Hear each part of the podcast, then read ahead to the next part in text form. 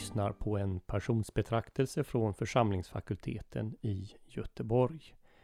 FFG-lärare, nuvarande och tidigare, håller passionspredikningar över Johannes evangeliets skildring av Jesu lidandes historia. Den här predikan över texten för den andra veckan hålls av Jakob Appell. I Faderns och Sonens och den heliga Andes namn. Amen. Herren vare med er. Med dig vare Låt oss be.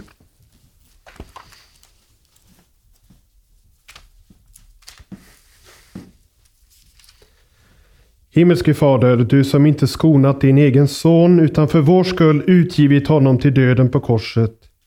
Sänd din ande i våra hjärtan så att vi litar på din nåd och får leva i dig för evigt genom din son Jesus Kristus vår Herre. Amen.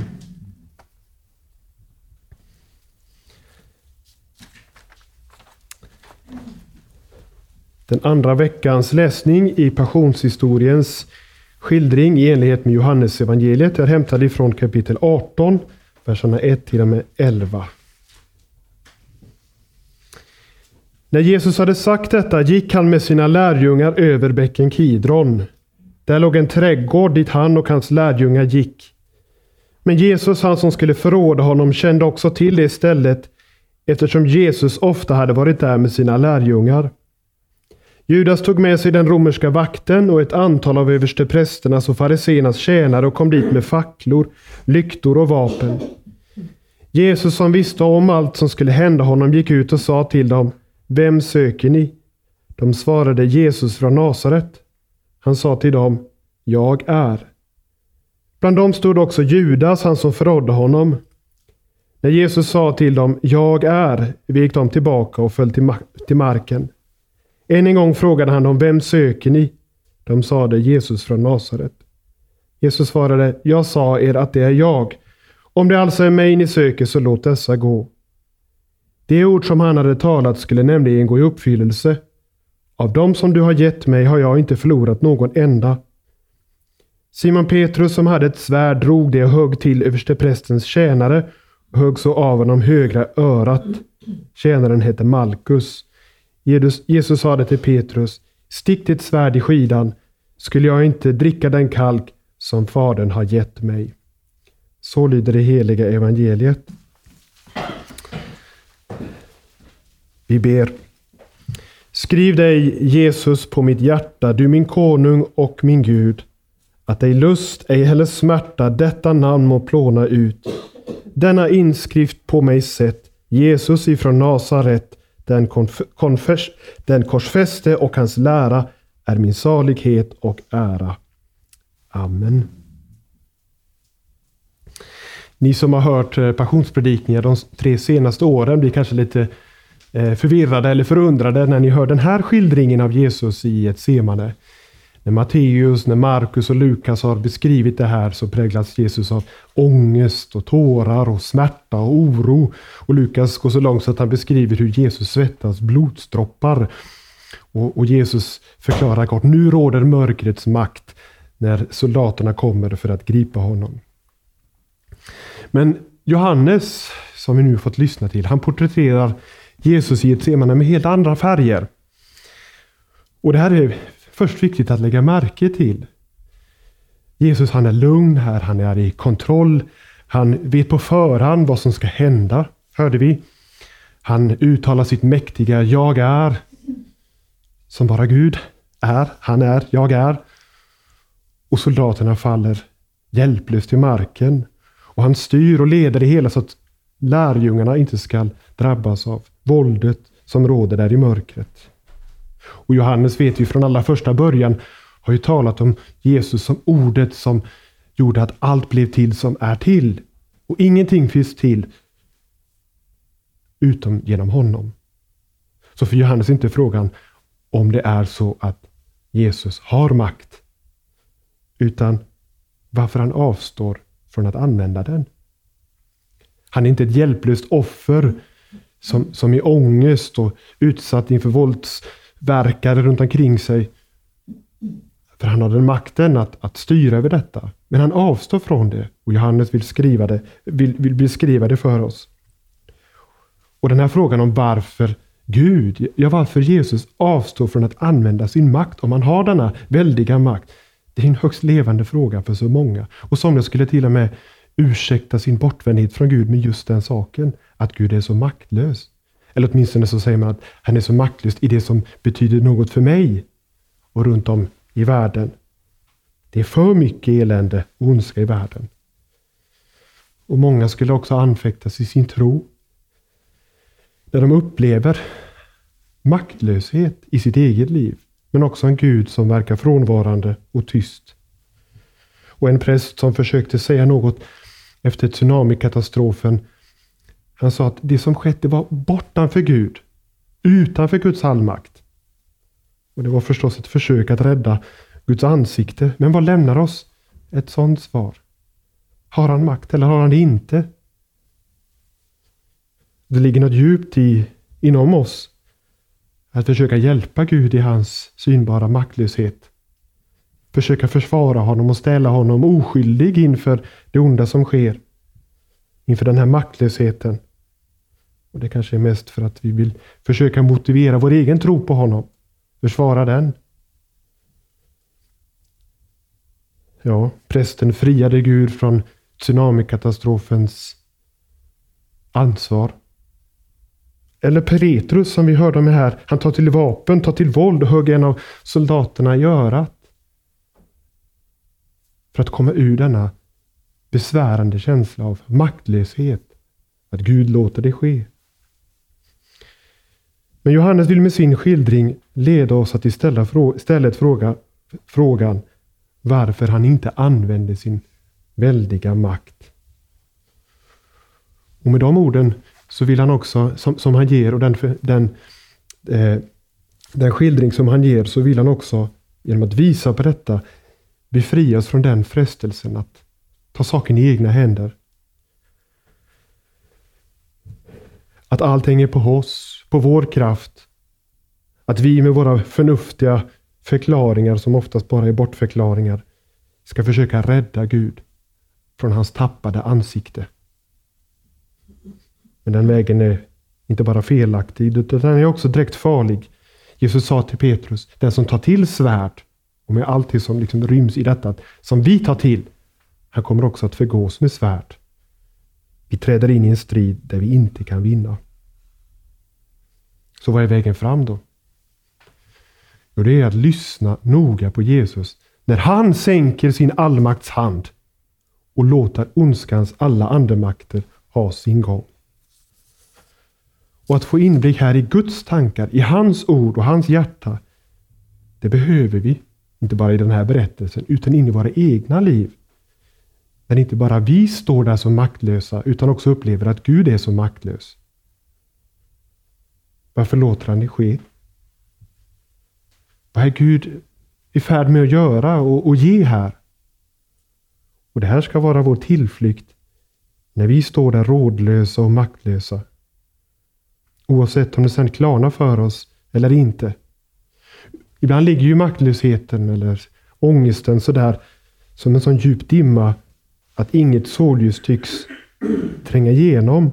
Men det är ju som i Rosenius psalm han skriver även den tätaste dimma solen fördöljer är solen dock kvar.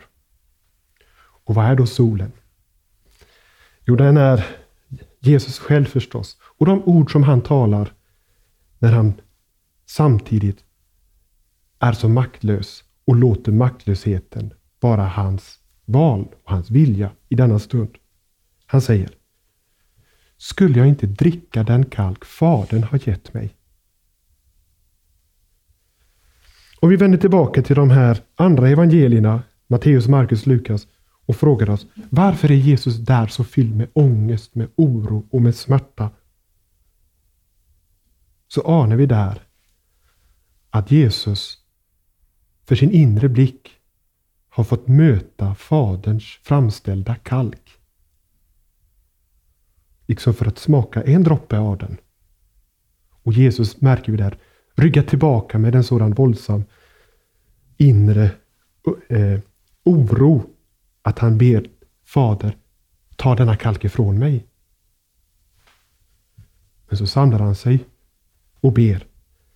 Men inte som jag vill, utan som du vill. Och Faderns vilja var förstås att han skulle dricka kalken till sista droppen på Golgata kors. Så att detta att han drack hela vredesbägaren, det kan också uttryckas med de ord som han uttalade på Golgata kors. Min Gud, varför har du övergivit mig? Och trots att här Jesus gavs möjligheten att backa ifrån kalken så önskade han till slut inte att kalken skulle tas ifrån honom utan blott att Faderns vilja skulle ske i den tron att Faderns vilja var god och är Gud. Och att Gud visste vad han gjorde, till och med där i Guds övergivenhetens mörker på långfredagens eftermiddag.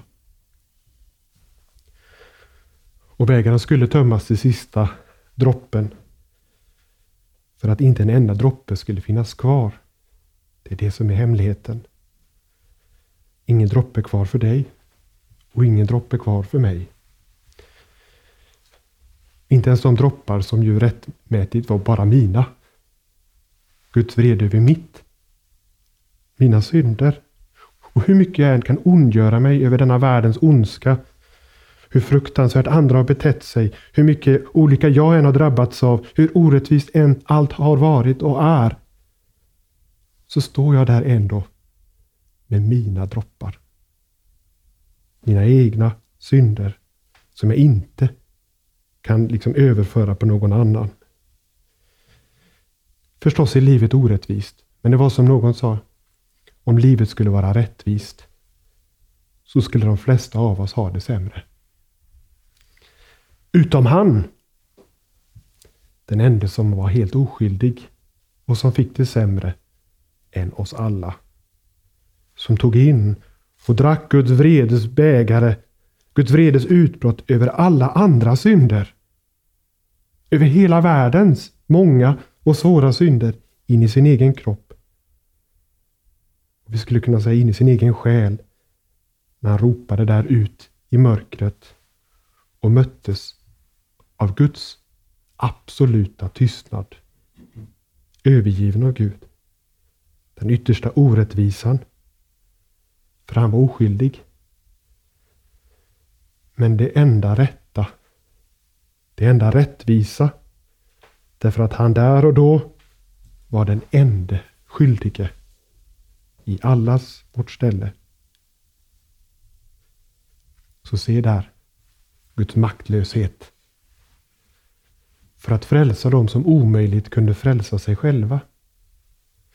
Kommer du ihåg när lärjungarna förskräckta frågade Jesus, när Jesus hade sagt det är lättare för en kamel att komma in genom ett nålsöga, över en rik att komma in i Guds rike. Och de svarade, men vem kan då bli frälst? Vi är visserligen inte rika, men kan ens vi bli frälsta? Och då är inte Jesus svar, jo, jo, ni, ni kan det, för ni är de trogna. Utan att svara bara kort, nej, för människor är det omöjligt. Men för Gud är allting möjligt. Så vänd på det, se därför där Guds väldiga makt att frälsa en människa som omöjligt kan frälsa sig själv. Se hans väldiga makt i hans maktlöshet, i hans övergivenhet på korset. Se din styrka, se din frälsning, se ditt ljus i allt tänkbart mörker. För inget mörker, och du kan tänka på vilket livsöde som helst som kan vara så becksvart, så var inget mörker värre än det. För ingen har lidit Guds övergivenhetens mörker så som han led. Och orsaken till det förstås, för att du och jag skulle skonas ifrån det och i allt mörker kunna säga Han har inte övergivit mig. Så sant, han var övergiven i ditt ställe. Och i all vanmakt och i all förtvivlan därmed har det lilla hoppet som inte är så litet eftersom det är ett evigt hopp Även den dimma, tätaste dimma, även den timma, tätaste dimma solen fördöljer är solen dock kvar. Och det var den inte där, det var solförmörkelse. Och ni förstår förstås alla bottnar i det. Och detta kan du också säga när hela ditt livs alla synder liksom spelas upp för din inre blick mitt i ditt mörker och i din vanmakt. Så att det enda du ser är att du får vad du förtjänar. För när rövaren bad om nåd, där på korset bredvid, så tänkte han på hela sitt bortslösade liv. Tänk vad det har blivit och inte blivit. Men när han bad om nåd så bad han faktiskt också om rätt. Därför att rätt skipades. Inte i första hand för att han blev korsfäst för sina synders skull. Utan för att Jesus blev korsfäst.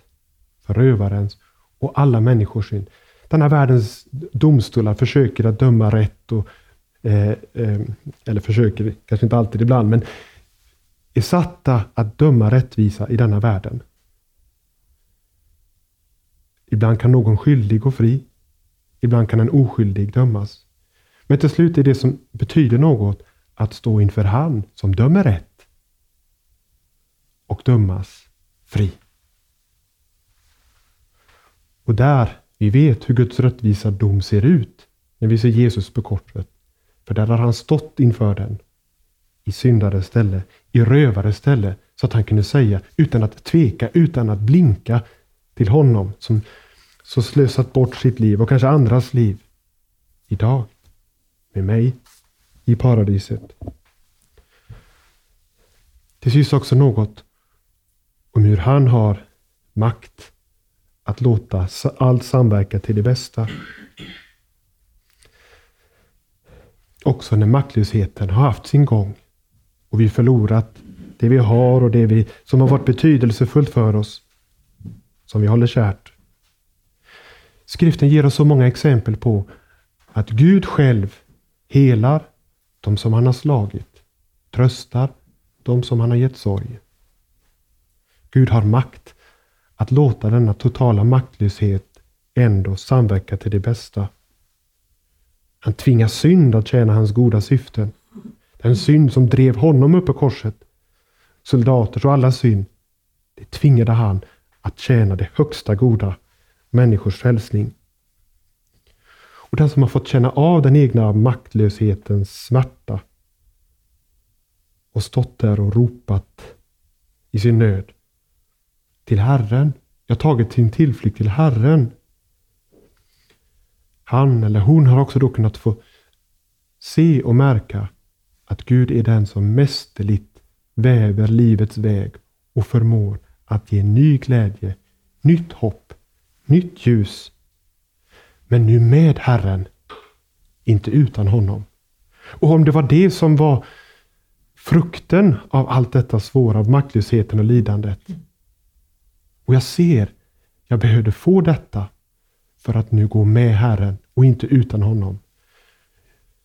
Ja, då kan jag böja mig under hans makt. Inte bara att ge mig vad jag pekar på, utan faktiskt också det jag inte pekar på, men som ändå för mig till omvändelse och till tro. När Jobb såg hur Gud handlade, ni vet Jobb som förlorade allt, men hur han såg hur saker samverkade så kunde han ändå inte annat än att säga Herren gav och Herren tog. Lovat vara Herrens namn.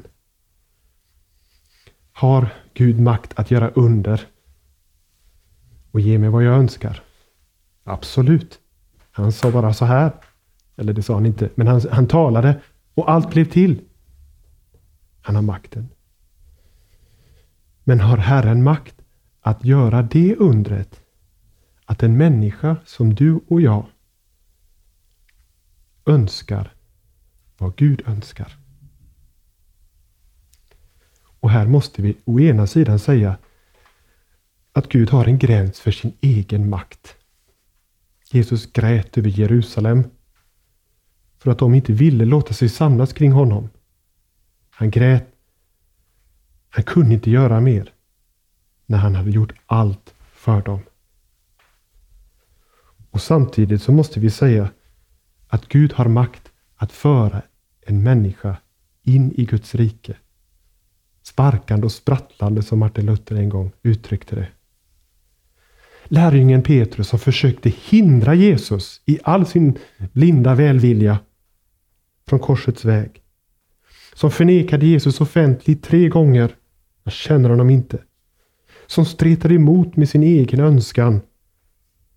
Honom kunde Jesus med sin nådsmakt troget och varsamt föra till omvändelsens punkt där Petrus till slut måste säga till Jesus förkrossad över vart den egna viljan och önskan leder så sa han bara kort Herre, du vet allt. Du visste allt. Och det är alldeles underbart. För trots att du vet allt och visste allt och du vet vad jag bär inom mig som jag inte visste om och vad jag är kapabel till så står du ändå här med den uppståndnes sårmärkta händer och möter med nåd. Herre, du vet allt. Du vet att jag har dig kär. Den Jesus som möter mig här, bortom död och grav, han har jag omåttligt kär. Och Jesus vet att det är sant.